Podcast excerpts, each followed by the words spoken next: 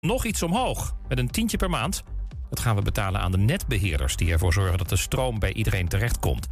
Deze verhoging valt buiten het prijsplafond waar het kabinet begin deze week mee kwam.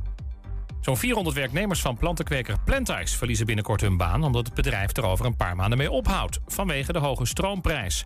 Het gaat om vaste krachten en uitzendkrachten. Plantice is een van de grootste kwekers van Nederland... en heeft vestigingen in Limburg en Zuid-Holland. De Consumentenbond waarschuwt mensen om niks meer te kopen... bij webwinkel jano.nl. In korte tijd zijn er tientallen klachten binnengekomen over het bedrijf... dat kinder- en babykleding verkoopt.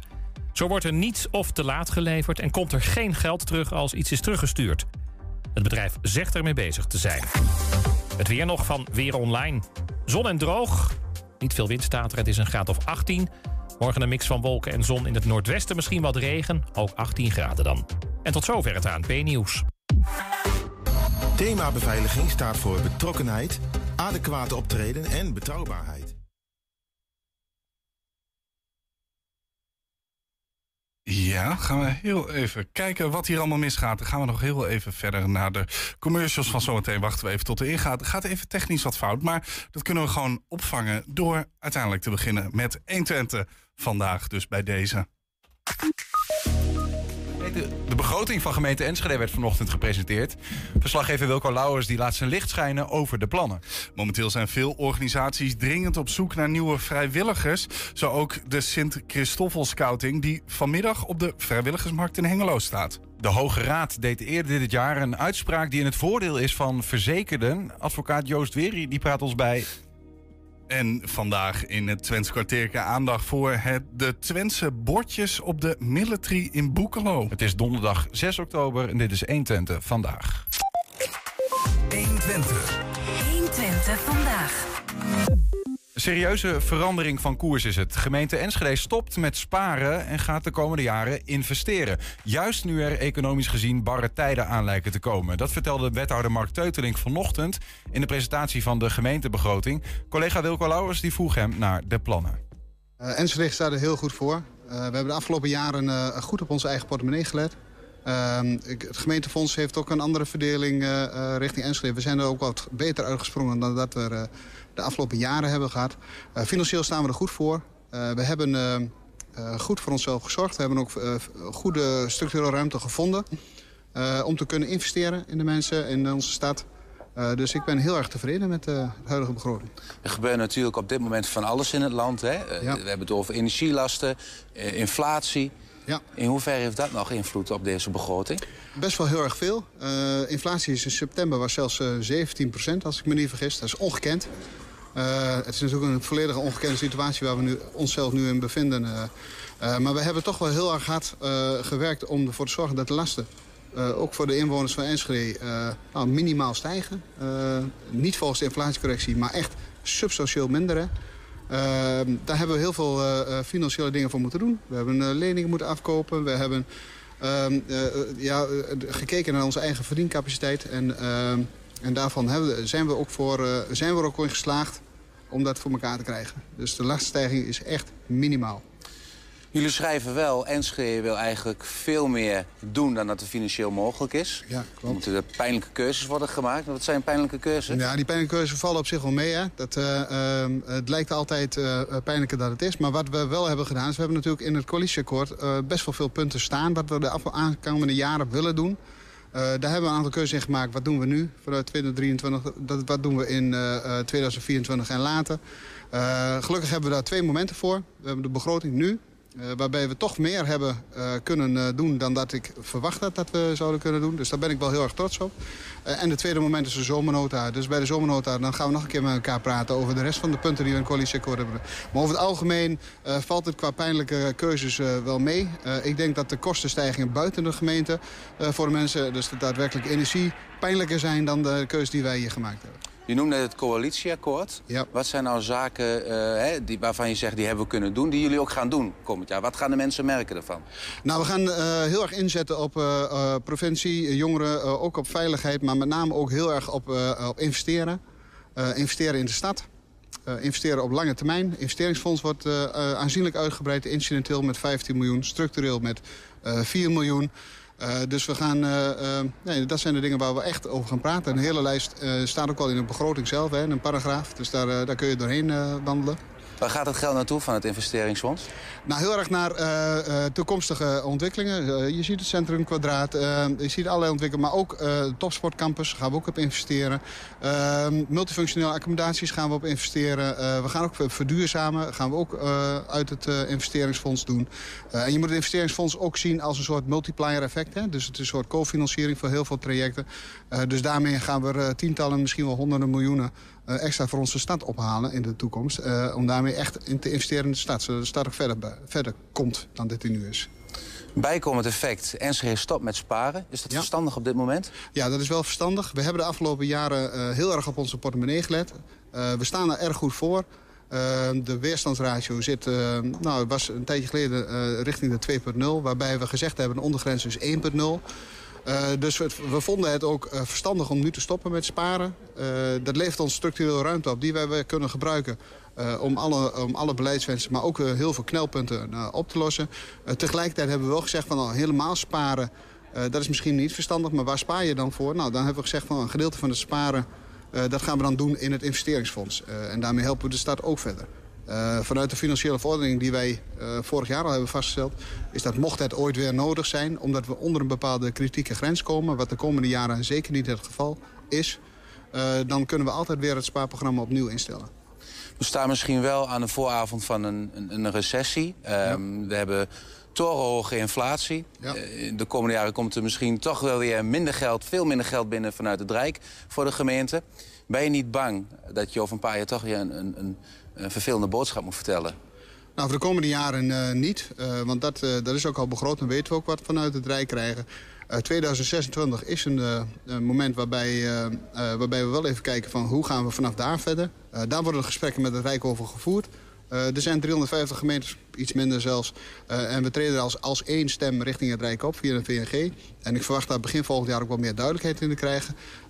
maar het ziet er niet slecht uit, ondanks de voortekenen voor een recessie. Zo, zover uh, wethouder Mark Teuteling, wethouder van Financiën in Enschede. Uh, bevraagd door collega Wilco Lauwers, hij is aangeschoven. Wilco, um, hoe, luister je naar die woorden? Eigenlijk, eh, zeg maar, wat het, het is veel, vooral soms ook wel moeilijke taal.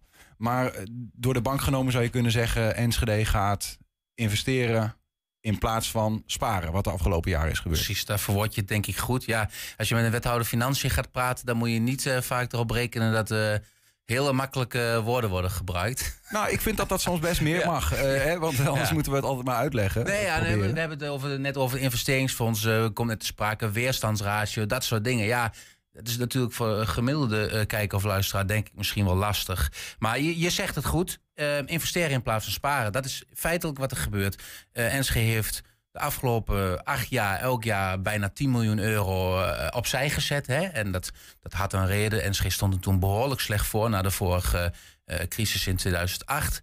en, en alles wat erop volgde, hè, met bouwgronden die afgeboekt moesten worden en dergelijke. Nou, dat is gigantisch veel geld is, is er in die jaren weggegaan. En op, da, op, op, dat moment hebben ze gezegd: ja, we moeten ons weerbaar maken. De economie trok weer iets op. Mm -hmm. nou, inwoners hebben daar niet heel veel van gemerkt de laatste acht jaar. Maar de gemeente in enige mate wel. En toen is er gezegd, nou, dan, dan bouwen we eh, een nieuwe spaarpot op elk jaar 10 miljoen erin. Zodat we voor de mindere tijden of onvoorziene uitgaven, ja. nou, dat was toen ook heel veel sprake van, dat we daar geld voor hebben. Klinkt op zich als een goed plan, toch? Op het moment dat het wat beter gaat, dat je dan juist geld opzij zet voor de momenten dat je denkt, hè, zoals die er misschien wel aankomen, wat ingewikkeldere financiële tijden. Ja, eerlijk gezegd wel. Ja, ik weet niet hoe jij thuis uh, het huishoudboekje hebt. Maar heel eerlijk, als ik geld overhoud, dan denk ik niet van... nou, dan koop ik alles wat los en vast zit. Maar dan denk ik ook van, misschien is het handig om uh, een paar honderd euro even opzij te zetten... voor als je het wel een keer kunt gebruiken. Als je een keer een hele dure maand hebt en een auto gaat stuk... of de wasmachine, die houdt ermee op. Dus uh, in, in die zin is het helemaal niet onverstandig om op zo'n manier, om, om zo'n manier te begroten. Nee, nee, dat is niet... Eh, eigenlijk wel echt, ik ben altijd heel kritisch op het financiële beleid. Maar in dit geval zou ik zeggen dat is best goed. Ja. Is, het, is het genoeg? Want ik, ik begrijp er dus uit dat um, waar eerder eigenlijk 10 miljoen in een spaarpot werd gegooid ieder jaar, uh, is het nu 4 miljoen uh, ieder jaar eigenlijk als investering uh, nou, ergens inpompen. Ja. Plus nog eens incidenteel 15 miljoen. Ja. Um, ja, is dat, is dat, want er komen natuurlijk, er, komen, er is inflatie, wat je zei. Uh, is dat verstandig om te doen? Ja, nou, de toekomst in de toekomst kijken is heel lastig natuurlijk. Er zijn wel een aantal dingen waar ik me toch wel enigszins dan, dan zorgen om maak. Hè. Kijk, eh, de, de, het, het spaarpotje van de gemeente zit bijna 100 miljoen euro in. Dat is geld wat je voor allerlei dingen kunt gebruiken. Dus als er iets nou misgaat, dan haal je daaruit. En voordat het zo ver is, voordat er zo weinig geld is in dat spaarpotje, dat je geen, niet je risico's kunt dekken, dat is een weerstandsratio waar de wethouder over had. Je hebt 50 eh, miljoen aan potentiële risico's, potentiële onverwachte uitgaven. Dat kun je allemaal berekenen. En je hebt 100 miljoen in de, in de, in de, in de spaarpot zitten. Nou, dan zeg je, dan heb je 50 miljoen in principe over. Dat, kun je feitelijk uitgeven zonder dat er een, een heel groot risico ontstaat voor echt de nood kosten die je eventueel hebt. Precies, zo, zo bereken je dat. Nou, zit er 50 miljoen in en je hebt 50 miljoen aan risico. Ja, er is altijd een, een, een, een, een risico dat er nog meer bij komt wat je nog niet weet. Nou, dan denk je van, nou, dan zit je redelijk aan de onderkant uh, van wat er mogelijk is. Dus wat dat betreft uh, zit veel in die spaarpot. Maar de komende jaren houdt de uh, gemeente niet rekening met alle gevolgen van deze toch wel aanstaande crisis, denk ik. We hebben nu een inflatie, de wethouder noemde het al in het filmpje, van 17 procent. Ehm, dan zou je kunnen zeggen, nou, misschien is het volgend jaar wel weer 4%. Het zou wel heel bijzonder zijn als dat is, zo eerlijk gezegd. Maar het zou volgend jaar weer 4% kunnen zijn. Maar dat betekent dat jij 17% nu en daarbovenop weer 4%. Het is niet dat je denkt van, oh, het is veel lager. Mm Tegenover 17% inflatie als je op hetzelfde niveau moet blijven, wil blijven, zou je in principe min 17 een deflatie moeten hebben. Want dan, dan trekt het in evenwicht. Dus de, het wordt alsmaar duurder. Daar, daar komt het in feite op neer. Die inflatie gaat niet onder de nul zakken. Dus ik vraag me af in hoeverre de gemeente voorbereid is op mogelijke gevolgen hiervan. mensen die hun werkwijk raten, in een bijstand raken, dat kost de gemeente geld voor uitkeringen. Dat soort dingen. Uh, CAO, van, uh, want de lonen gaan natuurlijk ook omhoog. Er komt een nieuw CAO voor ambtenaren per 1 januari. Daar weten ze de gevolgen nog niet van. Nou, als je weet hoeveel ambtenaren NSG in dienst heeft er hoeft maar een heel klein beetje bij op te komen. En dan gaat het om behoorlijke bedragen. Ja, en dan, dan begrijp ik dus van jou, dan uh, is er nog steeds, hè, Teuteling zegt hier, we houden nog genoeg over om de klappen voor de komende jaren op te vangen. Maar zeg jij, is die pot groot genoeg om dit soort, uh, nou ja, eventueel dit soort risico's ook, zijn die daarin meegenomen? Ja, ja je merkt aan, aan, aan, aan de wethouder dat hij wel hij kijkt positief naar de toekomst. Hij zegt de komende jaren is, uh, is er geen probleem. En ik vraag hem er ook na van ben je voorbereid op misschien minder nieuws. De komende jaren niet. Na 2026. Want dan krijgt de gemeente zoals het er nu uitziet veel minder geld van het Rijk. En dat is toch de belangrijkste inkomstenbron. Dan, uh, ja, dan, dan zijn er mogelijk problemen. En daar kunnen we nu nog niet op anticiperen. Dat, dat, dat klopt aan de ene kant wel. Maar er speelt Um, op de achtergrond met, met mogelijke, uh, uh, mogelijke crisis natuurlijk wel iets meer mhm. dan waar nu rekening mee wordt gehouden. En nog kun je zeggen, er is heel veel geld in het spaarpotje. Ja, maar hoe groot wat gaat de ellende worden? Dat is eigenlijk een beetje de vraag. Ja, en ja, schatten ze daar niet wat te laag in. Ja. Um, wat, wat, wat, we wel weten is dat ze dus zeggen... we gaan investeren. Ik zei het al, 4 miljoen per jaar, 15 miljoen incidenteel. Uh, wat, wat gaan ze daarmee doen? Hè? Waar gaat dat geld naartoe? Ja, die investeringsagenda heb je over. Wat, wat, uh, die 4 miljoen per jaar. Hè? Dus je gaat uh, niet meer sparen, 10 miljoen. Daarvan gaat 4 miljoen aan investeringsagenda. De rest dat vloeit uh, elders. Ik moet zeggen, als ze dat niet zouden doen... dan zouden de komende jaren gewoon de begroting in de min. Hè? Dan draait de gemeente gewoon verlies. Dus dat, dat niet, niet sparen ehm, is misschien wel broodnodig... om niet in, in de verliezen te draaien. Ander verhaal. die investeringen die worden gedaan, die 4 miljoen... die gaan uh, nou, naar bouwplannen bijvoorbeeld. Hè. Centrumkwadraat. Uh, ja, goed, dat doet, een, dat doet een projectontwikkelaar, zou je zeggen. Maar er gebeurt natuurlijk van alles rondom zo'n bouwplan. Het bouwrijp maken, de wegen uh, enzovoort. Dus de gemeente moet er echt wel wat in, in, in het geld wat op toeleggen. Um, en daar gaat een deel van die, van die investeringsagenda naartoe. Maar um, denk ook aan het zwembad in Glanenbrug, die heropening. 2 miljoen is daarvoor nodig. Dan kan uit dit potje komen. Er is een huis van Twekkelenveld. Ik moet eerlijk zeggen, ik heb net heel snel gekeken wat het nou precies uh, betekent. Ik had het nog niet eerder van gehoord. Maar ik vermoed dat het om een nieuw uh, ontmoetingshuis in Twekkelenveld gaat. Staat verder niet uitgelegd. Maar ook daarvoor is al 2,5 miljoen uh, gereserveerd.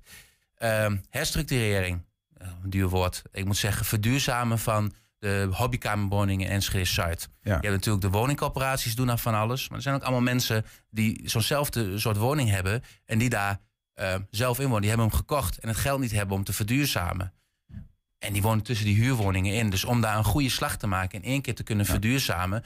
Ja, moet daar toch geld voor komen. De gemeente heeft daar ook een potje voor, 7 miljoen. Dus dat soort dingen, daarin wordt wel geïnvesteerd. En dat had anders niet gekund. Nou ja, precies. En ik, ik kan me ook voorstellen, al helemaal als het gaat om het verduurzamen van woningen. Dat is op dit moment eh, zeg maar laaghangend fruit waar je in investeert, maar waar je meteen wel wat van terug ziet. Want dat geld vloeit nu gewoon weg. Ja. Letterlijk, zeg Ja. maar. Ehm, dan, eh, je had het ook met de wethouder over eh, pijnlijke keuzes. In hun, ehm, in hun schriftelijke plannen staat dat genoemd. En hij Ja. sprak dat eigenlijk in het interview met jou weer een beetje... ja, het valt wel mee. Ehm, wa- waar gaat dat dan eigenlijk over? Ja, dat is bijzonder ook in het persgesprek. Eh, ik bedoel, het staat, staat in, in, in, in een persbericht, maar ook in de begroting staat voor mij ook nog eens weer twee keer. Hè. Gewoon letterlijk dat Enschede van alles wil. ehm, maar dat er, dat er niet de financiële middelen voor zijn. En dat er daarom dus ook wel pijnlijke keuzes moeten worden gemaakt. Mhm. En, en dat wordt onder meer genoemd dat er veel meer van ehm, inwoners misschien wordt verwacht dat wat je zelf kunt, dat je dat ook zelf doet. Dat heeft met de zorg te maken. Dat je geen beroep doet op zorggeld als je zelf nog dingen kunt. Nou, Ja. eh, daar kun je van allerlei dingen bij bedenken. Stond niet heel concreet uitgewerkt. Maar ehm, dat, dat voert misschien nu wat te ver. Ehm, maar die pijnlijke keuze, ja, eigenlijk gaat het gewoon om verkiezingsbeloftes die ze, eh, of eh, coalitiebeloftes die ze niet kunnen waarmaken, die in het coalitieakkoord staan. Ja. Hebben we er concrete voorbeelden van? Van dingen die dan zeg maar, bijna nu al eh, opzij worden geschoven? Ehm, dat is een hele goede vraag. Ik kom net vanuit allerlei ontmoetingen. Zo, dus ik kan niet zeggen wat er dan Ja.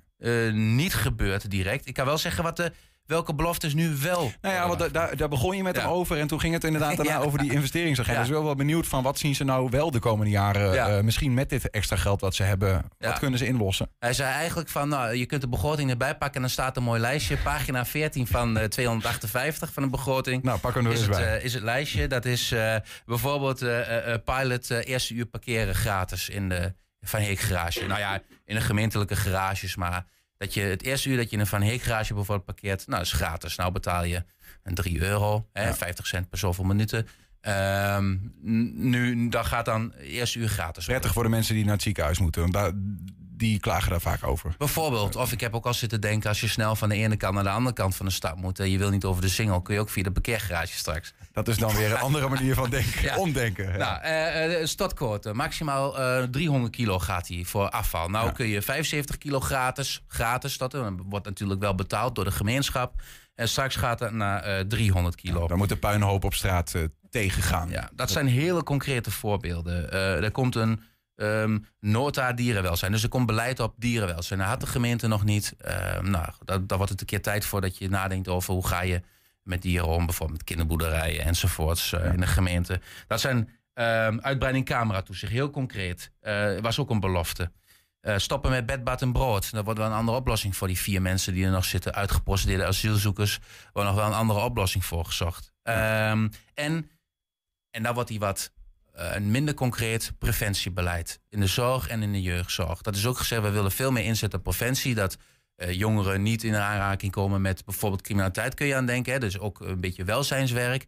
Eh, maar denk ook aan jeugdzorg of aan, aan dat je niet in de WMO terechtkomt. De huiskamer van de stad zijn goede voorbeelden ervan. Ja. Dat je al in een vroeg stadium eigenlijk misschien al wel problemen oplost... om later eh, duurdere zorg eh, te vermijden. Dat is ook zo'n zo'n huiskamer in Ja. Twekkelenveld. Dat zijn allemaal van die maatregelen om, om te zorgen dat mensen in Ja. een vroeg stadium eigenlijk niet, niet uitvallen. Zodat ze aan het einde van de lijn minder aanspraak doen op zorggelden waar de gemeente dan weer voor moet betalen. Dat is ongeveer de gedachte, denk ik. Precies, hè? en daar, daar gaan echt wat tonnen bij elkaar opgeteld, wat tonnen naartoe. Ja. Ehm, tot slot nog heel even over die, die, die woningen. Want je zei, hè, een deel van die investeringsagenda bestaat uit eh, het aanjagen... Slash, eh, nou, dat, dit soort woningbouwprojecten, zoals in het centrum, Kop van de Boulevard... dat soort dingen. Ehm, daarvan is natuurlijk in de afgelopen jaren gezegd... Enschede wil 10.000 eh, woningen bouwen. Tegelijkertijd heb je hier ook wel eens uitgesproken... van ja, het plan staat overal 170.000 inwoners. We moeten groeien in inwoneraantal. Die moeten in die huizen wonen. Ja. Plus de inwoners in Enschede zelf. We zien de wachtlijsten. Wij zagen hier laatst een mevrouw aan tafel. Die hebben ook eh, een woning nodig. Ja. Waar jij wel eens twijfel hebt gehad over... is dat eigenlijk wel genoeg als je inderdaad allebei van de twee wil? Daar heb je diepe maand nog naar gevraagd. De Ja, ja, en in twijfel heb ik nog steeds, wat ook in deze begroting staat weer... heel duidelijk, we willen naar 170.000 inwoners. Uh, we moeten dus woningen bouwen voor nieuwe Enschede. Daar, daar, komt het in feite op neer. Anders kun je niet uh, uh, nieuwe inwoners halen. Ze kunnen niet op straat allemaal gaan wonen. ja, het zou raar zijn, toch? maar tegelijkertijd zeg je, je wil mensen laten doorstromen in die markt. Er worden ook huizen gebouwd voor bijvoorbeeld dat iemand heel plat gezegd uit Wesselenbrink van een huurwoning denkt van nou, we gaan kopen ergens een statuswoningje en dan kan iemand anders weer in die huurwoning op Wesselenbrink gaan wonen. en iemand die nu nog thuis woont bij de ouders en maar geen uh, woning kan krijgen, want daar zijn er heel veel van in Enschede. Mm -hmm. Nou, um, dat die beide dingen vragen om, omdat je woningen bouwt. Maar het zijn wel andere woningen. De ene woningen zijn de wat, wat hogere segment, want ze willen talent behouden en aantrekken hier. Um, en de andere woningen zijn de wat goedkopere woningen. Ja. Er moeten zoveel woningen worden gebouwd om dat allemaal te realiseren. Dat je met 9000 woningen, of 10.000, heb je niet 10.000 inwoners extra. Ja, ja. En ik, daar heb ik ook wel eens vaker naar gevraagd. Dat, en dan zegt de wethouder nu ook al van... ja, maar die 170.000 vinden we een grappig getal. Zei, zei, zei die letterlijk. En um, dat is niet per se het einddoel dat we daar willen komen. Maar, uh, Groeien is het doel. Ja, ja maar, maar tegelijkertijd stel je wel in je eigen begroting vast dat het moet omdat je dan meer geld krijgt uit het gemeentefonds. Wat ik me afvraag over. Ja, want je krijgt geld van het Rijk naar, aan, naar aanleiding van hoeveel inwoners je hebt. Ja, maar je krijgt ook minder geld van het Rijk naar meer, uh, naarmate je meer OZB-inkomsten hebt. En als je dure woningen gaat bouwen, heb je meer OZB-inkomsten. Ah, ja. Dus uh, hoeveel geld krijg je dan extra? Hè? En, en die, die, uh, die twijfel heb ik sowieso. Plus, al die woningen bouwen, je ziet hoe de markt nu is. Is het überhaupt um, fysiek mogelijk om 10.000 woningen te bouwen de komende 10 jaar. Heb je op de gemeente, want ook dat lees ik in deze begroting, dat er gewoon een personeelstekort is op uh, bijvoorbeeld op, op, vergunnen en met bestemmingen.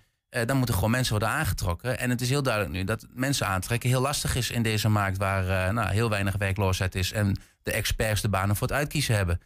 Dus in hoeverre is het mogelijk? Ja. Dus er zitten nog tal van uitdagingen. Het klinkt allemaal heel mooi en ik snap echt wel de gedachte die erachter zit, maar het is ook lastig, denk ik. Veel haken en ogen. Wilco, dankjewel voor het uh, enigszins ja. inzicht geven in dit moeras aan ja. Uh, nou ja, toch wel soms wat moeilijke materie. Ja, je kunt nog een keer nakijken, hè? ja, precies. Je kunt er rustig doorheen wandelen, zoals we het horen. Ja, dank je. Zometeen de Hoge Raad deed eerder dit jaar een uitspraak die in het voordeel is van verzekerden. Advocaat, uh, advocaat Joost Weri praat ons bij. En zo ook als podcast te luisteren. Je vindt ons op alle bekende platforms.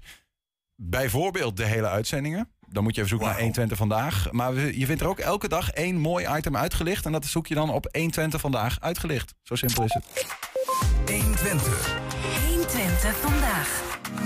Sint Christoffel is een hengeloze scoutingvereniging die dringend op zoek is naar nieuwe vrijwilligers. Daarom staan ze vandaag samen met 48 hengeloze verenigingen en instellingen op de jaarlijkse vrijwilligersmarkt in de Schouwburg in Hengelo. Bij ons in de studio is welpenleider Ruben Brugink. Ruben, welkom. Dankjewel. Wat is een welpenleider? Wat een welpenleiding, dat is uh, iemand die leiding geeft aan uh, kinderen. En uh, welpen is de leeftijd tussen de 7 en 15 jaar.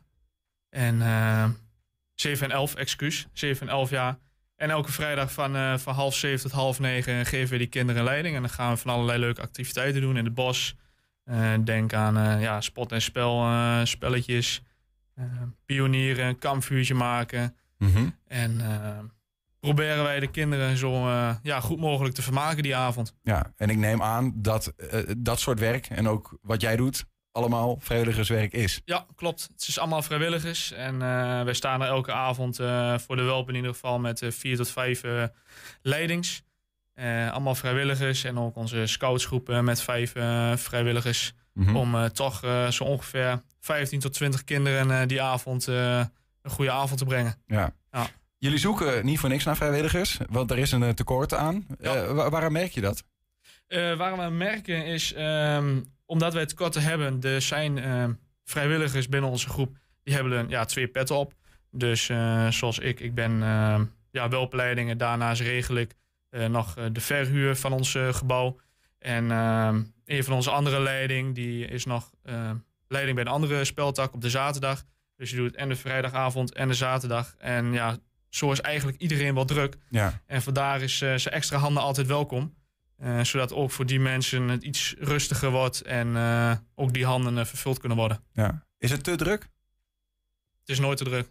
Het is, eh, je plant je eigen tijd in. En eh, wat ik zeg, het is twee uurtjes eh, eigenlijk in de week wat je bij een speltak eh, zou kunnen draaien. Mhm. En eh, ja, daarnaast ben je nog een keer op een winterkamp en een zomerkamp. Ja. Ik zeg, daar ben je wat meerdere dagen mee bezig. Maar verder eh, is dat het eigenlijk.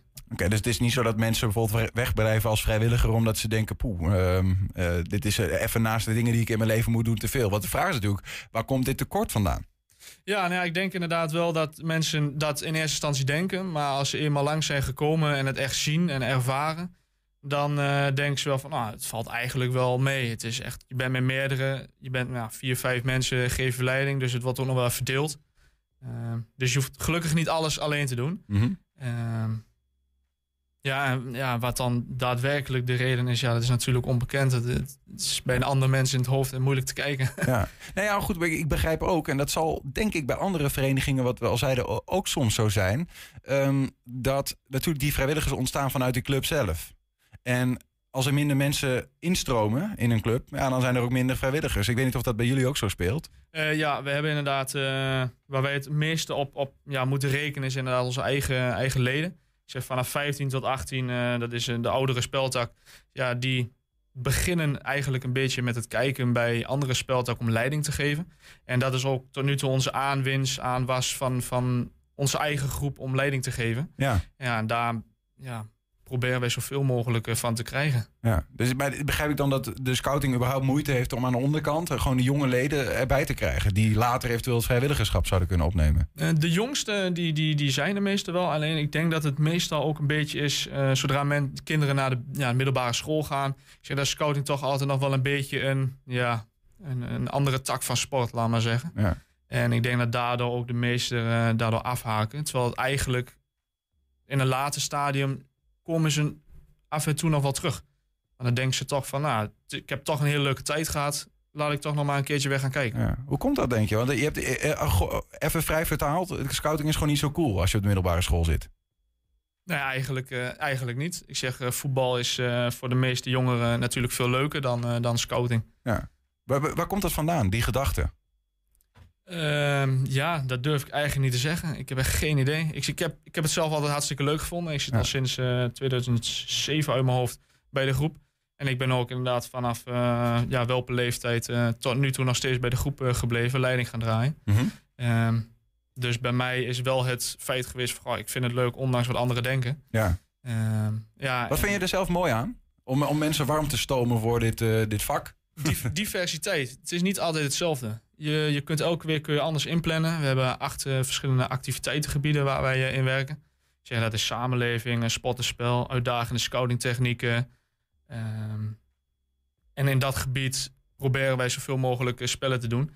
En je hebt in zoveel tijd hebben een winterkamp van, van drie dagen, een zomerkamp van vijf dagen. Ehm, je gaat nog naar verschillende activiteiten toe. We hebben open dagen. ehm, bij het wijkfeest staan we. ehm, bij de sportdagfeest van ehm eh, Achilles afgelopen maand was dat volgens mij. eh, hebben we gestaan. Een hele stormboom. Nou ja, maar de- je zegt daar wat. Hè? Je ziet eh, als je op eh, eh, tv naar eh, officiële gebeurtenissen kijkt, dan zie je ook vaak scouts langs de kant en zo. Al- als het aantal scouts eh soort van afneemt, wat ik er toch een beetje uit begrijp. Hè? Ja. Wat voor een effect heeft dat dan op, op, op, op jij, kinderen die normaal naar de scouting zouden gaan, dat nu niet meer doen? Wat denk je, wat, waarom is het, heeft het een bepaald belang en wat voor effect heeft het als het er niet is? Nou, ik denk dat als het, als het er niet is, dan, dan zie je ook bij ja, speciale gelegenheden, zoals de herdenkingsdag, staan er meestal eh, heel veel scouts ook bij de, eh, de krans leggen. Ja, dan zie je dat beeld ook afnemen, dat er ook minder zullen staan. En ehm, ja, dat, dat, dat, ja, het, is, het is toch wel altijd aanwezig geweest. Ja. Eh, en ja, nu neemt dat dan ietsjes af. Ja, dat is natuurlijk jammer. En terwijl je toch probeert zoveel mogelijk weer eh, terug te brengen. Hoe proberen jullie vandaag op die vrijwilligersmarkt mensen eh, zo warm te krijgen om bij jullie in te stappen? Nou, vanavond staan er inderdaad drie van onze bestuursleden op locatie bij de vrijwilligersmarkt. En eigenlijk gewoon een praatje maken met, met de mensen. Kijk, het hoeft niet per se te zijn voor het leidinggeven. Het kan ook een bestuurlijke functie zijn. Een, een penningmeester, een secretaresse. Ehm, of eh, al gaat het om, je bent handig met tuin, tuinieren. Ja, die hulp kunnen we ook altijd gebruiken. En eigenlijk door een praatje te maken en ja, die kennis daar een beetje uit te wisselen. Zeg, kunnen wel heel veel betekenen voor elkaar. Ja. Is er nog andere, zijn er andere manieren, want je zei op vrijwilligersmarkt, andere manieren waarop jullie met de scouting proberen om ja, leden, mensen, helpers naar de club te krijgen? En ja, we staan inderdaad op, wijk, eh, op het wijkfeest uh, staan we eigenlijk geregeld. Uh, flyeren door de, door de buurt doen we wel eens. Um, en we proberen eigenlijk best zoveel mogelijk activiteiten die in Hengelo te doen zijn, aanwezig te zijn en ons gezicht te laten zien. Ja. Uh, en op die manier proberen we ja, zoveel mogelijk eigenlijk uit te wisselen en binnen te krijgen. En op die manier proberen we ja, zoveel mogelijk eigenlijk uit te wisselen en binnen te krijgen. Is er een, een, een kans dat het kapot gaat? Of is het zo erg nog niet?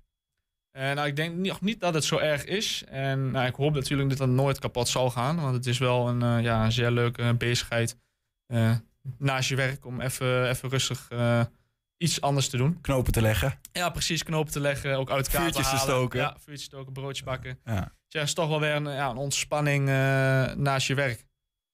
En ja, we hopen natuurlijk dat het nooit, ja, nooit zal verdwijnen. Eh, dat, dat snap ik, die hoop. Maar als je kijkt naar de situatie zoals die is, is die uh, nijpunt? Is dit uh, deze gang naar de vrijwilligersmarkt? Is dat van laatste redmiddel? Of zit er nog wel, ja, weet je, hoe, hoe kijk je ernaar? Nou, het is geen laatste redmiddel. Er zijn nog wel genoeg ja, vrijwilligers in dat oogpunt.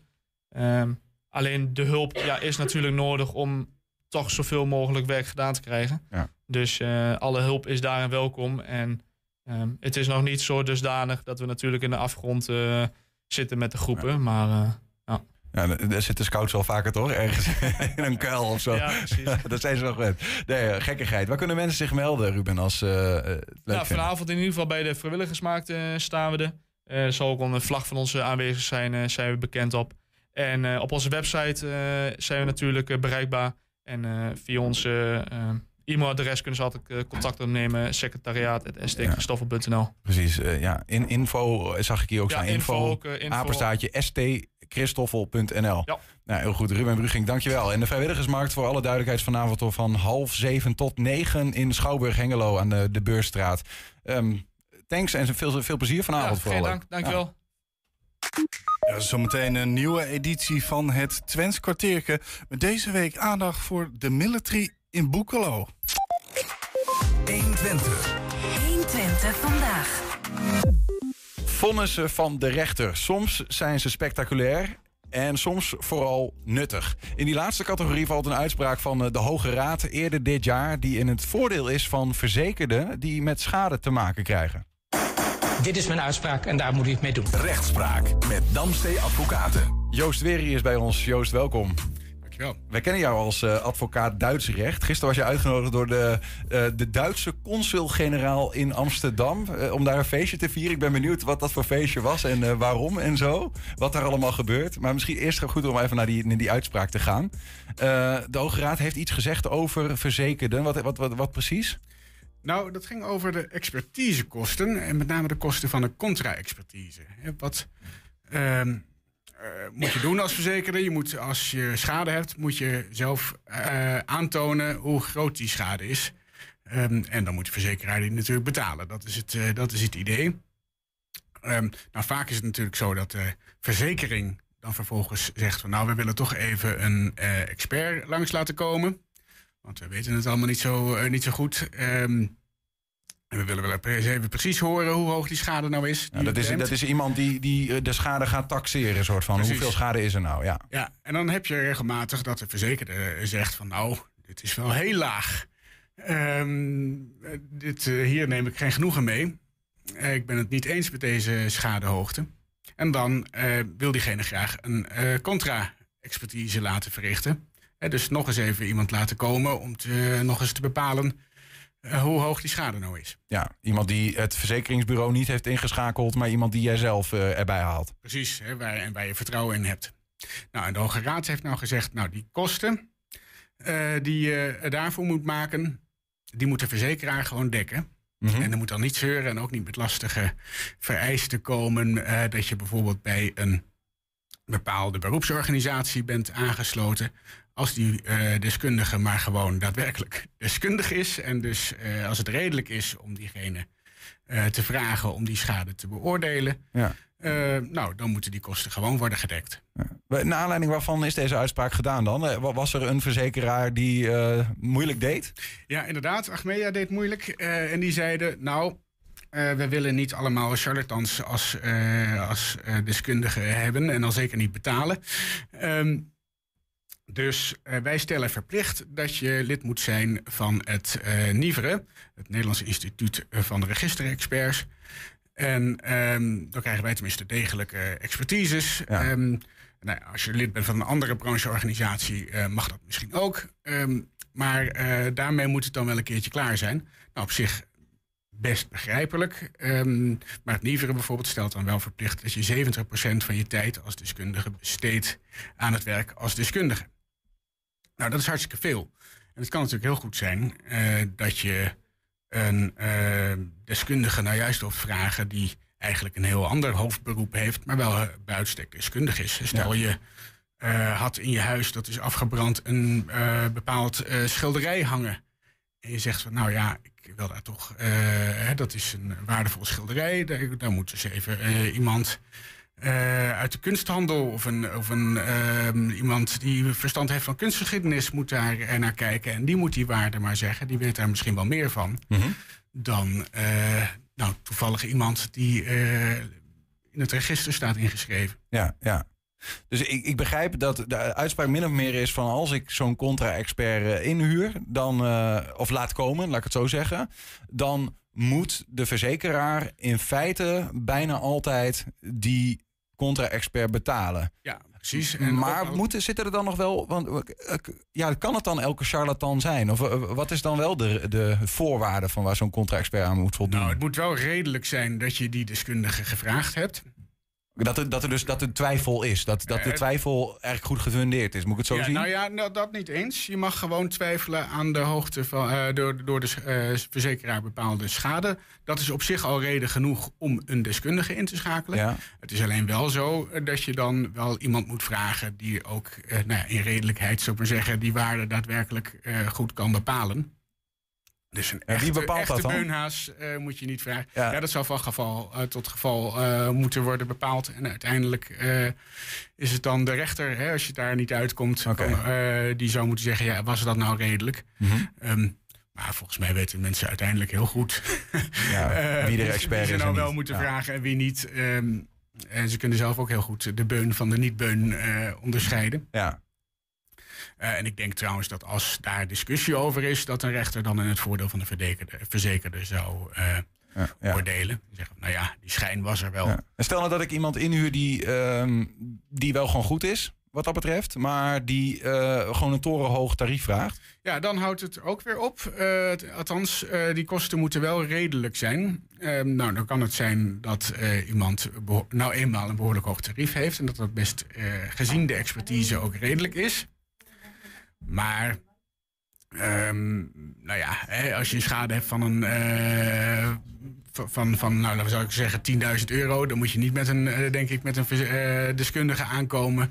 Die ook op zichzelf alweer 10.000 euro kost. Ja, ja, precies. Ja, dan wordt het te veel voor de Dan is verzekeraar. het misschien met een kanon schieten op een mug. En dan Ja, is het ja. misschien niet redelijk om die kosten te maken. Ja, precies. Dus even in het algemeen gezegd, mag je zelf bepalen wie je contra-expert is. eh, en moet de verzekeraar die contra-expert betalen tot aan een redelijk bedrag. Ja, precies. En dat is toch wel goed om te weten. Dat, hè, mag dus ook niet van afgeweken worden. Ehm, en eh, ja, mensen zijn toch soms een beetje bang eh, om, om zo iemand in te schakelen. En denken, ja, ik heb eh, eigenlijk zelf geen geld voor. En ik heb het al lastig, want ik heb net een enorme schade gehad. Ja. Ehm, en dan is het toch goed om te weten dat dit, eh, dat dit gewoon kan. Dat, en dat de verzekeraar dat moet, eh, dat moet betalen. En eh, ja, daarom is dit natuurlijk wel inderdaad echt zo'n arrest dat, ja, dat impact heeft. Nuttig is. Ja. En nou ja, je hebt mooie arresten. Het zijn net vrouwen. Je hebt mooie arresten en nuttige arresten. Oh, dit is een gevaarlijke, dit is een gevaarlijke, Joost. en, nou, dit is een heel, heel nuttig arrest. Ook wel mooi hoor. Ja. Het gaat ook samen, net als met vrouwen. Ehm, en eh, ja, hier hebben mensen echt wat aan. Dank voor dat bijbrengen. Ik moet toch nog heel even, hè, want we zeiden al even, jij bent, eh, we hebben jou een keer eerder hier gehad, omdat jij ook in het Duits recht bent gespecialiseerd. Nou is in Enschede hier de tolle woche, maar eerder deze week was er ook iets bijzonders als het gaat om Duitsland. Daarvoor werd jij gisteren naar eh, de Duitse consul-generaal gehaald in Amsterdam. Ja, dat was ontzettend leuk. Er was een receptie, een borrel. Eh, om te vieren hè, de dag van de Duitse eenheid. Die is eigenlijk eh, de derde, maar eh, deze receptie was, was gisteren. Ja.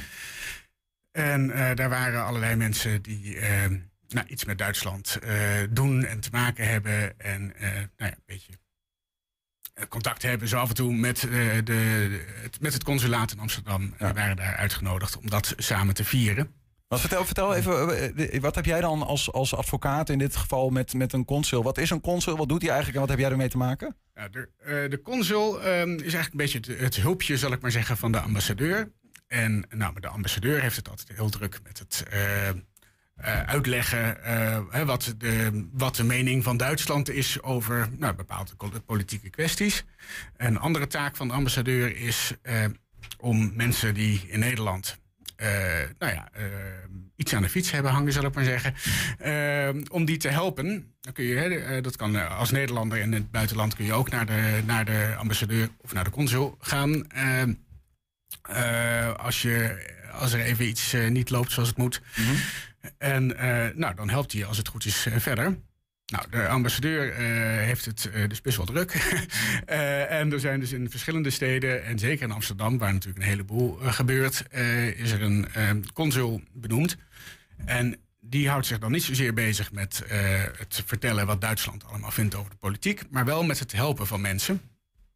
Met name van Duitse mensen die dus in Nederland nou, bijvoorbeeld worden met, met drugsmokkel, met drugs zijn, zijn opgepakt. Of, eh, En daar kom, jij, daar kom jij ergens ook in, eh, in het spel, zeg maar. ja, nou althans, ik, eh strafrecht doe ik eigenlijk niet zoveel. Maar wat ik bijvoorbeeld wel doe, is het bijstaan van Duitse bedrijven.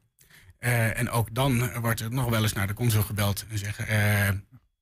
maar goh, wij zijn een Duits bedrijf en we hebben nou een, akkefietje in Nederland. En nou, daar dreigt een juridische procedure te komen. Ehm, en eh, dan hebben ze bij het consulaat in Amsterdam hebben ze een lijstje liggen van advocaten die zich eh, daarmee bezighouden. En op dat lijstje sta ik ook gelukkig. Ja, ja, daar staat ergens de naam Dus van dan, Joost eh, Weri, ja. dan bellen ze mij eens een keer. Nou, dus gisteren, nou ja, dat, is duidelijk hè, eh, de- hoe jij dan daar ergens eh, terechtkomt. Eh, wa- Wat is het dan voor bijeenkomst daar om die dag van de Duitse eenheid te vieren? Wat gebeurde daar? Eh, nou ja, het was een, een, een borrel, zou ik maar zeggen, een receptie. Eh, dus er werd eh, eh, stemmige pianomuziek was er. Eh, er was eh, witte wijn en, en jus d'orange. Eh, maar er waren eh, allerlei organisaties ehm, ja, die, die dan iets, meer- iets met Duitsland doen. Eh, nou, bijvoorbeeld ook een mevrouw van het... En dat vond ik wel bijzonder. Ik was daar ook wel door geroerd. Een mevrouw van het eh, comité Sobibar. Ehm, om, eh, die was ook gevraagd om, om te komen. En ik dacht van ja, dat is toch eigenlijk wel heel, heel mooi. En ik was ook heel blij dat ze gekomen was. Vond ik ook wel bijzonder. Ehm, want er is, ja, dat is natuurlijk toch een pijnlijk iets. Maar ik vond het ehm, mooi dat het aan de ene kant dat het consulaat niet vergeten was om, om bij zoiets, Ja. eh, als ze dan eens wat vieren. Eh, want die, die eh, dag van de Duitse eenheid is natuurlijk een heel positief iets. hè, maar dat Ja, het gaat over, zeggen- over het samenkomen van Oost- en West-Duitsland. Het vallen van de muren en daarna samenkomen van Oost en West. Ja, precies. En dat je dan ook zegt, nou, maar dan nodigen we juist ook iemand uit die, die past bij een eh, veel zwartere, eh, bij een inktzwarte bladzijde in de geschiedenis, eh, nodigen we ook uit. Ja. Eh, dat, dat vond ik wel bijzonder. Ik vond het dus ook wel mooi dat deze mevrouw ook zei van, nou, ik kom dan ook. En, want er zijn ook een heleboel gelukkig positieve dingen te melden over Duitsland. En we kunnen ook samen niet alleen gedenken, maar ook vieren. Ja, ja. Nou, Interessant, eh, Joost. Leuk om even. Ja, leuk en interessant om gewoon even een inkijkje te krijgen op hoe zo'n, eh, wat er dan gebeurt op zo'n, eh, op zo'n consulaat. Ehm, dank voor het, voor het bijschijnen op dit, maar ook zeker op eh, het advies eh, dat je dus als je een verzekering eh, ergens moet aanspreken voor een bepaalde schade, dat je gewoon een contra-expert kan inhuren ehm, of kan laten komen en dat de verzekeraar die in feite moet betalen. Wel. Joost Weeriet. Ja, heb je een tip voor de redactie? Mail dat dan even naar info.120.nl 120. 120 vandaag. Ja, Niels. Left me hanging. Oh, was dat op beeld? Hebben we dat? eh, ik hoop zo dat we dat op beeld hebben. Misschien wel. Dat kunnen we dan mooi uitknippen en dan bij ons op de redactie hangen. Maar, maakt ook niet uit. Adrie Hemmink is er. Hallo Adrie. Hallo, wie bent er weer? is er iets in Ja, ja ik, ik, ik heb wel een lolletje. Ook Oh. met onze producer van dienst. Maar die zag het gebeuren. Oh, wat leuk. Die gaat sowieso slagen voor de, voor de stage. Ja. Ehm, Adrie, welkom Ja. terug. Goedemiddag. Eh, wie, je hebt iemand met hem, althans eh, via de telefoon. En daar komen we zo bij. Eh, want dan gaan we weer een, eh, via de keuwendraad, sorry. ja. Want we hebben weer natuurlijk weer een nieuw Twents kwartier. We gaan eh, weer nieuwe woorden van u leren. En, eh, Nieuwe woorden. nieuwe woorden van u leren. Ehm, eh, maar eerst even een kleine terugblik naar vorige weken. Nee, dat gaat helemaal goed. Nou, eh, Anita. Niels. Ja, jullie Probeer hebben, het. eh, je hebt geoefend. Ja, aangaang. Ja, aangaang. Dat was een toeloop van mensen. Mhm. het, het ging om een... eh was het ook weer theater? Wat houden we ook alweer? Nee. Maar dat is het onderwerp ook alweer. Eh, de, de, het, het congres voor levende Oh, talen. Ja, dat was het. Dat Ja. was het met Willemijn. Ja. Zeker. Ja, woord 2 was... Even snel er doorheen. Eh distilderieën. Ja, Mhm. dat was debatteren of een Ja. beetje ruzie maken of debatteren. Ja, Ja. Mooi woord. ja prachtig. Dop in tuk. Dop in tuk, ja. Ja. Dus niet op, ja, dat klopt. Niet opletten. Je hebt de ogen Met, in, eh, in met de de rechter dop en de linker tuk. Ja. En de knoest, dat was zijn vuist. De knoesten, Ja. de fusten. Niels slacht in zijn knoest. Zeker. nou, dan even het geheugen opgefrist. Door naar het thema van vandaag. Want zometeen ga je ons natuurlijk weer nieuwe woorden aanleren. en die hangen we natuurlijk aan een thema. Ja. En dat thema is iets wat deze dagen aan de hand is. En hoewel het grote spektakel vooral dit weekend losbarst. eh, met zaterdag natuurlijk de cross country. En eh, aankomende zondag het springen. ehm, is het paardenevenement Military Boekelo vandaag al begonnen met eh, de dressuur. En daarover gaan we even in gesprek. Leuk. Met Monique van der Sluis, ze is vrijwilligerscoördinator bij de military. Monique, goedemiddag. Goedemiddag. Ik neem aan dat je hier lang naartoe werkt. Hoe is het dan om uiteindelijk vandaag het echt te zien losbarsten? Ja, we zijn nu al een paar weken bezig, maar je ziet nu echt dat iedereen langzaam binnenkomt en alle natuurlijk de accreditaties ophaalt. En nu komen ook echt de mensen, de bezoekers komen nu langzaam allemaal binnen. Ja, dat is echt heel erg leuk. Daar krijg je veel energie van. En met een mooi weer maakt het natuurlijk helemaal eh, prachtig. Hoe lang ben je ermee bezig eh, dan al, Monique? Nou, nu, eh, dit is mijn derde week. Ja, Oh. ja ik, eh, kom dan, eh, ik werk eigenlijk bij, eh, bij een uitzendbureau bij Timing. En wij zijn dan HRM-partner voor de military. En ehm, normaal ga ik eigenlijk altijd wel na... In de zomervakantie begin ik vaak al een beetje. Maar nu zijn we drie weken van tevoren. Want ik, heb, ik krijg er steeds meer handigheid in dat het mijn vierde jaar nu is. Ja, ja. Dus nu ik dat drie weken van tevoren. Is dat prima mogelijk. Ja, maar, ze- je bent zelf geen vrijwilliger in dat opzicht. Nee, nee, in dat opzicht niet. Want- nee, nee, want ik ik- gewoon in dienst. Ik begrijp Ja. dat als je kijkt naar de totale organisatie van de military, dat het grotendeels vrijwilligers zijn. Dat er maar eigenlijk een handjevol mensen is die dat ergens nog ergens betaald krijgt. Ja, dat zijn voornamelijk zijn het allemaal vrijwilligers. En eh, we hebben natuurlijk ook wel heel veel verenigingen die hierbij aansluiten. Waaronder voetbalverenigingen, scoutingen. eh, nou, eh, die, die gaan ook allemaal doen om deelname hier aan. Ze krijgen wel een vrijwilligersvergoeding. En, maar iedereen vindt het gewoon heel leuk om hierbij aanwezig te zijn. Heel veel paardenliefhebbers. Meisjes die, of jongens die heel veel met de paardenwereld hebben. Die allemaal heel graag mee willen doen. En vooral zaterdag graag aanwezig willen zijn. Ja. En wat mee willen kijken of krijgen van de cross. Ja. Hoe- hoe- Noem eens aantallen. Hoeveel vrijwilligers eh, coördineer jij? Nou, ik denk nu om en nabij de 1500 had ik net ongeveer eh Pardon? Ja, 1500? Ja, zijn er ongeveer, ja. Ja, ik zie ze niet allemaal, maar de meeste vrijwilligers komen allemaal wel langs mijn bouwkeetje waar ik nu in zit en eh, hun accreditaties ophalen. Heel leuk. Maar je, ja. le- je leidt gewoon een megabedrijf wat dat betreft dan. ja. ja, heel leuk. Ja, echt super. Heel leuk om te doen, ja. Wat, voor, wat doen die mensen allemaal? Nou, je hebt de verschillende ploegen. Zoals nu vandaag zijn bijvoorbeeld de. Je hebt een stalploeg, die zijn natuurlijk verantwoordelijk voor de stallen. We hebben eh parkeerbeheer, dus die zijn echt nu verantwoordelijk voor de auto's op de juiste manier te parkeren. Een stukje verkeer begeleiden, dus natuurlijk de mensen die over moeten steken. Ehm, we hebben een onderhoudsploeg hindernissen, die zorgen ervoor dat zaterdag nadat het paard over de hindernis is gegaan, dat die natuurlijk dat alles weer netjes erbij ligt voor het volgende paard die er overheen moet. Ehm, ja, eh, verschillende echt veiligheid en IMT, eh afwinters die alles afzetten, publieksbegeleiding die dus eigenlijk voor zorgen dat mensen veilig kunnen oversteken tijdens de cross. Eh, horeca, eigenlijk alle, van Ja, alles. ik, Ja. ik hoor wel dat er 1500 nodig zijn. Hè? Ik Ja. wil wel een tijdje doorgaan, of niet? Ja. Ik kan heel lang doorgaan, ja, heel veel. Nou hadden we hier net, eh, we hadden hier net iemand van de scouting in Hengelo. En die gaf aan, bij ons ingewikkeld om vrijwilligers te vinden. En er is een vrijwilligersmarkt vanavond daar om, nou ja, ook voor andere clubs om vrijwilligers te vinden. We horen er natuurlijk meer, ook bij festivals. Je. Weet je al, eh, in hoeverre zijn mensen voor de wi- military nog warm te krijgen? Nou, we hadden bijvoorbeeld afgelopen week hadden we bij één ploeg, onderhoudsploeg hindernissen, hadden we echt nog wel een tekort aan eh, vrijwilligers. En toen hebben we eigenlijk op social media een post gedaan en daar hebben we echt heel veel reacties op gekregen. En eh, zo is die ploeg dus, eh, ploeg dus nu ook vervuld. Mhm. En kijk, voor de ene ploeg is dat verkeer is misschien wat moeilijker mensen voor te vinden dan voor een onderhoudsploeg hindernissen of voor stallen, omdat je dan echt ook op het evenement aanwezig bent. Je zit bij een hindernis, bij stallen ben je natuurlijk in betrokken met alle paden die, en iedereen die aanwezig is voor de, cro- voor de, voor de wedstrijd. Maar poepscheppen zal ook niet veel mensen voor te vinden zijn, denk ik. Nou ja, die, die, die zijn ook wel, maar die zijn ook nog te vinden. Als ze maar bij de paden en op het evenement zelf kunnen rond. Die, dat is op zich heel goed in te vullen. Ja, daar krijgen we genoeg mensen voor. Ja. Als mensen dan daar rondlopen, of als bezoeker of als vrijwilliger, dan, eh, eh, hoewel het een internationaal event is, mogen we zeggen, hè, eh, echt wel, wel groot. Ook, eh, ik geloof dat er ook nog weer, ge- als je daar goed eindigt, dan is dat weer, betekent dat weer wat, zelfs voor, soms voor de Olympische Spelen, geloof ik. Het, is groots, maar het Twents ontbreekt niet, hè? Nee, nee, nee, nee. Dat, dat blijft altijd. Ja, ik weet dat onze marketingafdeling die heeft hier allemaal borden geplaatst met leuke Twentse uitspraken.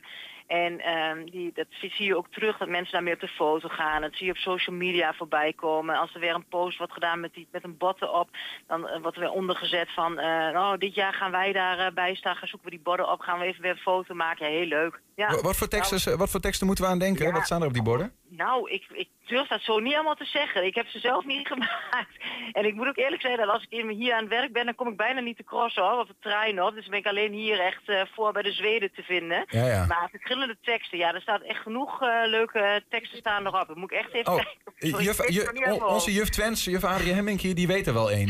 Ja, iets- volgens mij uit mijn hoofd was het iets van, le, van een military leukele of zo. Ja, dat staat erop, dat klopt. Sowieso. Ja. Ja. We hebben een voorbeeld volgens mij ook van een bordje. Misschien kunnen we Ja. die eh, nog even tevoorschijn toveren. Ja. Hier staat er Ja. één. Oh, Ja. dit is er één. Dit is die waar jij zegt. Ja, military le bint leukele. Nou, Military- ja. Eh, wa- waarom is dit? Heb je daar een idee van? Nou, ik, ik had nog even onze dame van de marketing had ik geprobeerd te bellen. En eh, ik weet natuurlijk, wij eh, zijn eh, vroeger de in-person dit allemaal. En nu heeft Timing natuurlijk in-person gekocht. En zij is met ons meegegaan en zij heeft die borden weer opnieuw gemaakt. Dus ik, ik durf eigenlijk niet te zeggen waarom ze... Maar ik denk ook gewoon voor het evenement en natuurlijk dat het in Ja. Twente is. En ja, dit, dit vindt iedereen natuurlijk die Twentenaars vindt dit natuurlijk fantastisch. Ja, nou, wij Ja. moesten ook een beetje denken aan de Zwarte Cross. Want daar vind je ook allemaal van die... nou ja, dat zal er meer Achterhoek zijn. In ieder geval, dat is ook een vorm van Neder-Saxisch. Eh, Ja. d- Is dat een beetje afgekeken? Ik dat, dat vind ik een hele goede vraag. Wie was eerder? terugkomen. Ja, nee, ja, dat was echt allemaal door onze Eh, marketingafdeling gedaan. Ja, Timing is natuurlijk ook best wel een grote organisatie die daar, zo, die daar weer andere mensen natuurlijk weer op heeft zitten die dat allemaal regelen voor ons. Ja, ja. Eh, we- we- Weet je zo, kijk, ja, nou, in principe is natuurlijk dat hele, eh, dat, het, het hele, hoe zeg je dat, plattelandse wat erin zit, dat is allemaal een beetje dat Twentse. Maar wat, wat is nou verder nog typisch Twents op de military wat jou betreft? Typisch Twents. Ja? Poeh, ja, nou, eh, eh, gezellig biertje drinken met elkaar en eh, de, de, de gezelligheid, de saamhorigheid, dat vind ik echt wel iets Twents eigenlijk. Dat hoor ik van, eh, dat je je echt wel welkom voelt hier. Ja. Adrie zat ook te knikken. Wat, wat- Het landschap natuurlijk ook. hè, Het Landschap coulissenlandschap. ook, ja. Ja, Ja, ja, ook. absoluut. En, Ja. en ze proort allemaal wat plat, hè? Ook de grootste ondernemers wel. ja, precies. Want, Absoluut, ja. hoewel het af en toe een beetje als een elitaire bijeenkomst wordt gezien. Ja, maar dat valt reuze. Dat vind ik echt heel erg meevallen. Ja, ja het is echt wel eh, iedereen. eh, het is- iedereen voelt je, je voelt je gewoon welkom hier. Ja, Ja, er, er wordt niet met aardappel in de mond gesproken, maar gewoon plat nee. gepraat. gewoon plat gepraat en eh, soms moet ik even goed luisteren. Kan het wel, maar niet zo goed als. ja, vaak wel. Ja. Ja, Ja. Nou, Monique van der Sluis, dankjewel. En eh, heel veel plezier de komende dagen op de military. ja, dat komt helemaal goed. Jojo. Doei. Ja, dat was Monique. Eh, de- zij leidde bij deze even het onderwerp in. Want we gaan nu naar de quiz. Adrie, je hebt drie nieuwe Twentse woorden voor ons eh, voorbereid. Ik Telkens drie hè? Nederlandse betekenissen. Loop lekker naar eh, het scherm. We hebben een soort van quizmuziekje gestart voor je. Maar ik heb geen microfoon. Oh. Dus ik kan ook wel blijven zitten, microfoon is... ja, dat is ingewikkeld. Nou, dan, dan is moet je er is- blijven zitten. Er is Dan moet je altijd wat te doen hier, dat is mooi. het gaat nooit zoals het... eh, zitten. Dan blijf je lekker zitten. Dan doen we het vanaf door. Eh, we gaan gewoon beginnen. Woord 1. Ja, nou, het- ik vind het zelf een bijzondere woorden. Ik heb ze opzocht. eh, want Fransken. Ja, Fransken. Dat klinkt bijna Fries. Ja, maar is het niet? Nee. Fransken. Fransken, is dat A, is dat de hinneken? Oké. Is dat B, eh, is dat de lip optrekken, wat een paard wel eens doet, hè? Dat Mhm. ken je denk ik wel. Ja. Of is dat C, achteruit trappen? Fransken. Ja, poeh. Ik zou, als je mij zou zo, zo zou vragen, zou ik zeggen iets van een vriend of zo. Maar dat, dat staat er niet tussen, hè? Nee, ik... ik Een Fransken. Ja. Ja, ik- achteruit trappen, daar zou niet een, een apart woord voor zijn, lijkt mij toch aardig. Eh, dat weet je niet in Twente, hè? In Twente Nee, heb je daar eh, bijzondere dingen. Ik denk dus dat eh, het Hinneken is. eh, simpelweg, uh, moet je dat Peert is aan het eh Fransken. Ja. En ik, ergens in mijn hoofd klinkt dat best wel logisch om die zin zo uit te spreken. Het is een hele plausibele, eh, doch inhoudsloze verklaring. Klopt, en je Ehm, gaat mee dus, hè, hoor, hoor ik uit nee, deze... dus ik ga voor eh, iets anders. Ik ga dan eh, voor lip optrekken, omdat dat ook heel goed klinkt. Ja, nee, ja, dat is jammer, want ik heb het goede Iets van antwoord. fronsen, hè, optrekken, zo- daar ga ik voor. Zo klinkt het. Ja, Adrie. jij gaat voor B dus. Ja, Vullen we ik- in ik, antwoord B. Ik moet dus eerlijk zeggen, soms ben ik niet te, te, te diep nadenken. En heb, eh, Julian had eigenlijk wel het goede antwoord. Hij had het, het was Hinneken. Dat is wel vaker zo in de wereld, Ja. hè, dat de, de dingen zonder inhoud uiteindelijk eh zegevieren. Ja, en dat is Ja. dus niet waar. Maar gewoon een echte winnaar heeft alles goed. Woord Ja, dat is 2. waar. Wie hebt, ja, dat is ook mooi, vind ik. Leedpost. Dat is waar Niels zo meteen eindigt. Op de leedpost. nou, dat, komt- dat komt best eens weg. Is dat A, ben je dan een hekkensluiter? Ja, dat kan. Ja. Is het B, is het de EHBO? Ja. Hey, hey. Of is het C, een hindernis? Eh, het is de EHBO. Ja, dit, is wel, eh, dit voelt als een, Een mens- inkoppertje, maar meestal is het Ja. dat dan niet. Dat is een beetje het nare Maar, ervan. maar, maar je hebt toch op de military gewoon ook van die RBO-steentjes? ja, die Ja, heb die heb je je. ook Dus zeker. als- als het maar een je beetje- hebt ook een hekkensluiter en, en ook een hindernis. Ja, je hebt alles waardoor, hè. Dus, eh, Ja, Ja. en de, de leedpost zou ook wel eens de late post, zeg maar, de, ge- de laatste post kunnen zijn. De, ge- de hekkersluiter. Ja, Eh, of een hindernis. Een, een, een post waar je leed van kan krijgen. Zo'n paard kan er overheen vallen. Absoluut, en dat gebeurt ook niet sta zelden. in de weg, ja zeker. Want de hindernis, daar geeft tegen met, hè. Die bent vast. Dus, eh, Nee, ja, precies. Dus die paarden raken ook wel eens verwond. En er zijn ook mensen die vinden dat dat eigenlijk niet meer kan in deze tijd. Nou, ja. ehm, Ik ga voor antwoord B. ik ga voor antwoord A, hekkersluiter. Vullen wij in antwoord A. Er is Leedpost, maar één Adrie. iemand die ons kan vertellen wat dat is. Ja, jongens, ik moet toch van de weg uh, torenwerk weer komen. Want het is namelijk een hindernis. Het is een, iets wat in de weg staat. Een leed- iets wat leed veroorzaakt. Zo heb ik het maar vertaald. Oh, het is echt wel. hoor, het is een eh, hindernis. Ja, nee, Ja. nu je het zo zegt, is het inderdaad... Een leedpost is ook heel, heel logisch. Ja. Nou ja, eh, woord drie. Geef allemaal niks, wie gaat gewoon deur. Dit is echt ook een moeilijk woord, vind ik. Vospel. Ik had er nog nooit van gehoord, dat zeg ik heel eerlijk. Ja, dat weet ik. Dat is als een, als een vos eh, gospel zingt. Sorry. Een Nou, ik heb een er wel iets, eh, Ja, nou, is het een voskleurige paard? Dus eh, je weet Mhm. wel, zo'n peert met zo'n mooie groene kleur. Ja. Is het een hoefafdruk? Of is het C, een bit, een paardenbit? Die laatste tijd zitten er zo woorden in het Twents kwarteken dat ik het er ook niet meer kan herleiden. Leedpost hadden we kunnen weten, maar dit vospel... maar, ja, ook, maar ook je gebruikt dit niet. Nee. Weet je, eigenlijk als je les hebt... Nou ja, trouwens, ik heb ook dingen bij Duits geleerd... waarvan ik denk, ja, dat heb ik nog nooit nodig Nee, wanneer gehad. gebruik je nou het woord voskleurig paard? Ja. Ehm, Ja, erin, Hoefafdruk maar... zou ik eh, dan... Ja, ik zou hoefafdruk ergens wel logisch vinden. Maar het is een vospel. Ja, ik vind hem zelf ook heel moeilijk. Ja, ja, maar het- het schiet mij maar lekker. Ik, eh, de- ik ga met jou mee, Julian. Wat gaan we doen? Dan gaan we hoefafdruk doen. Hoefafdruk. Geen Vullen- idee. Vullen wij in. Antwoord, nummertje B. Joehoe!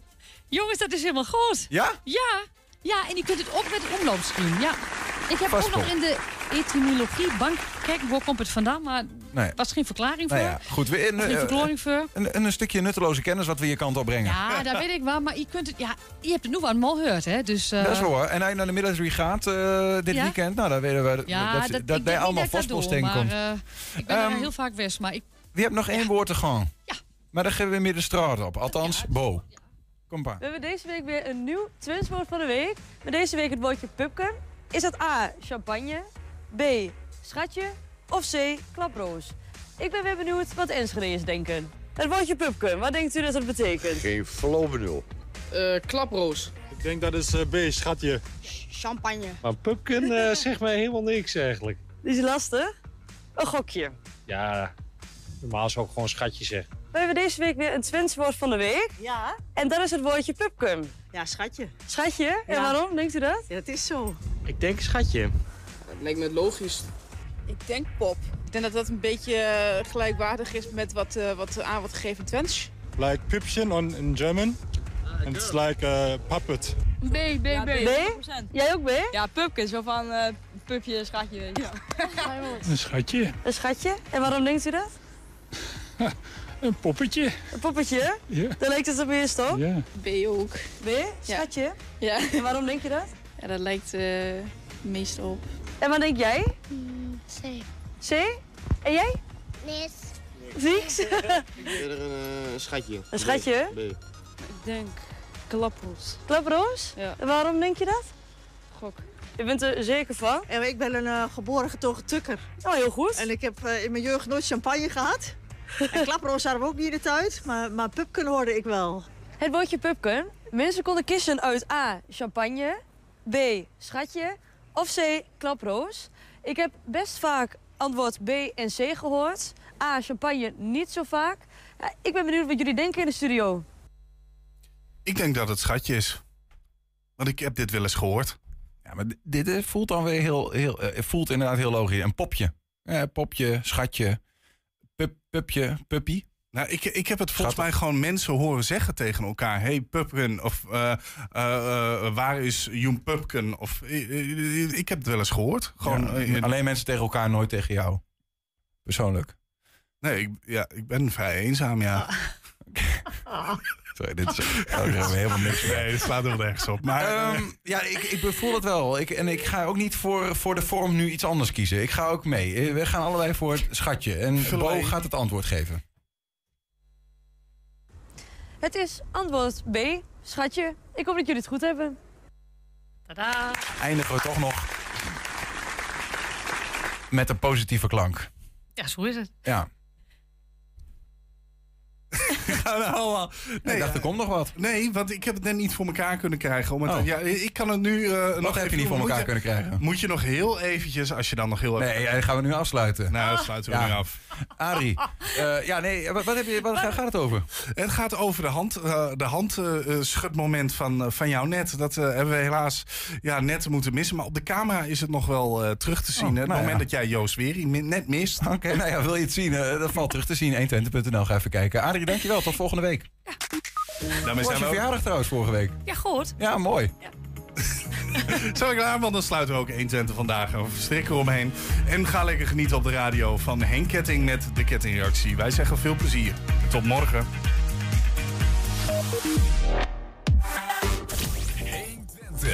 Weet wat er speelt in Twente. Met nu het nieuws van 5 uur. Goedemiddag, ik ben Robert-Jan Knook. In het proces over het dodelijke uitgaansgeweld op Mallorca... heeft een verdachte gezegd dat hij spijt heeft. En hij vindt het ook vervelend dat hij er daarna stoer over deed op Snapchat. Het filmpje werd een paar weken geleden gevonden. Te zien is hoe hij zichzelf met een sigaret in zijn mond filmt en schrijft...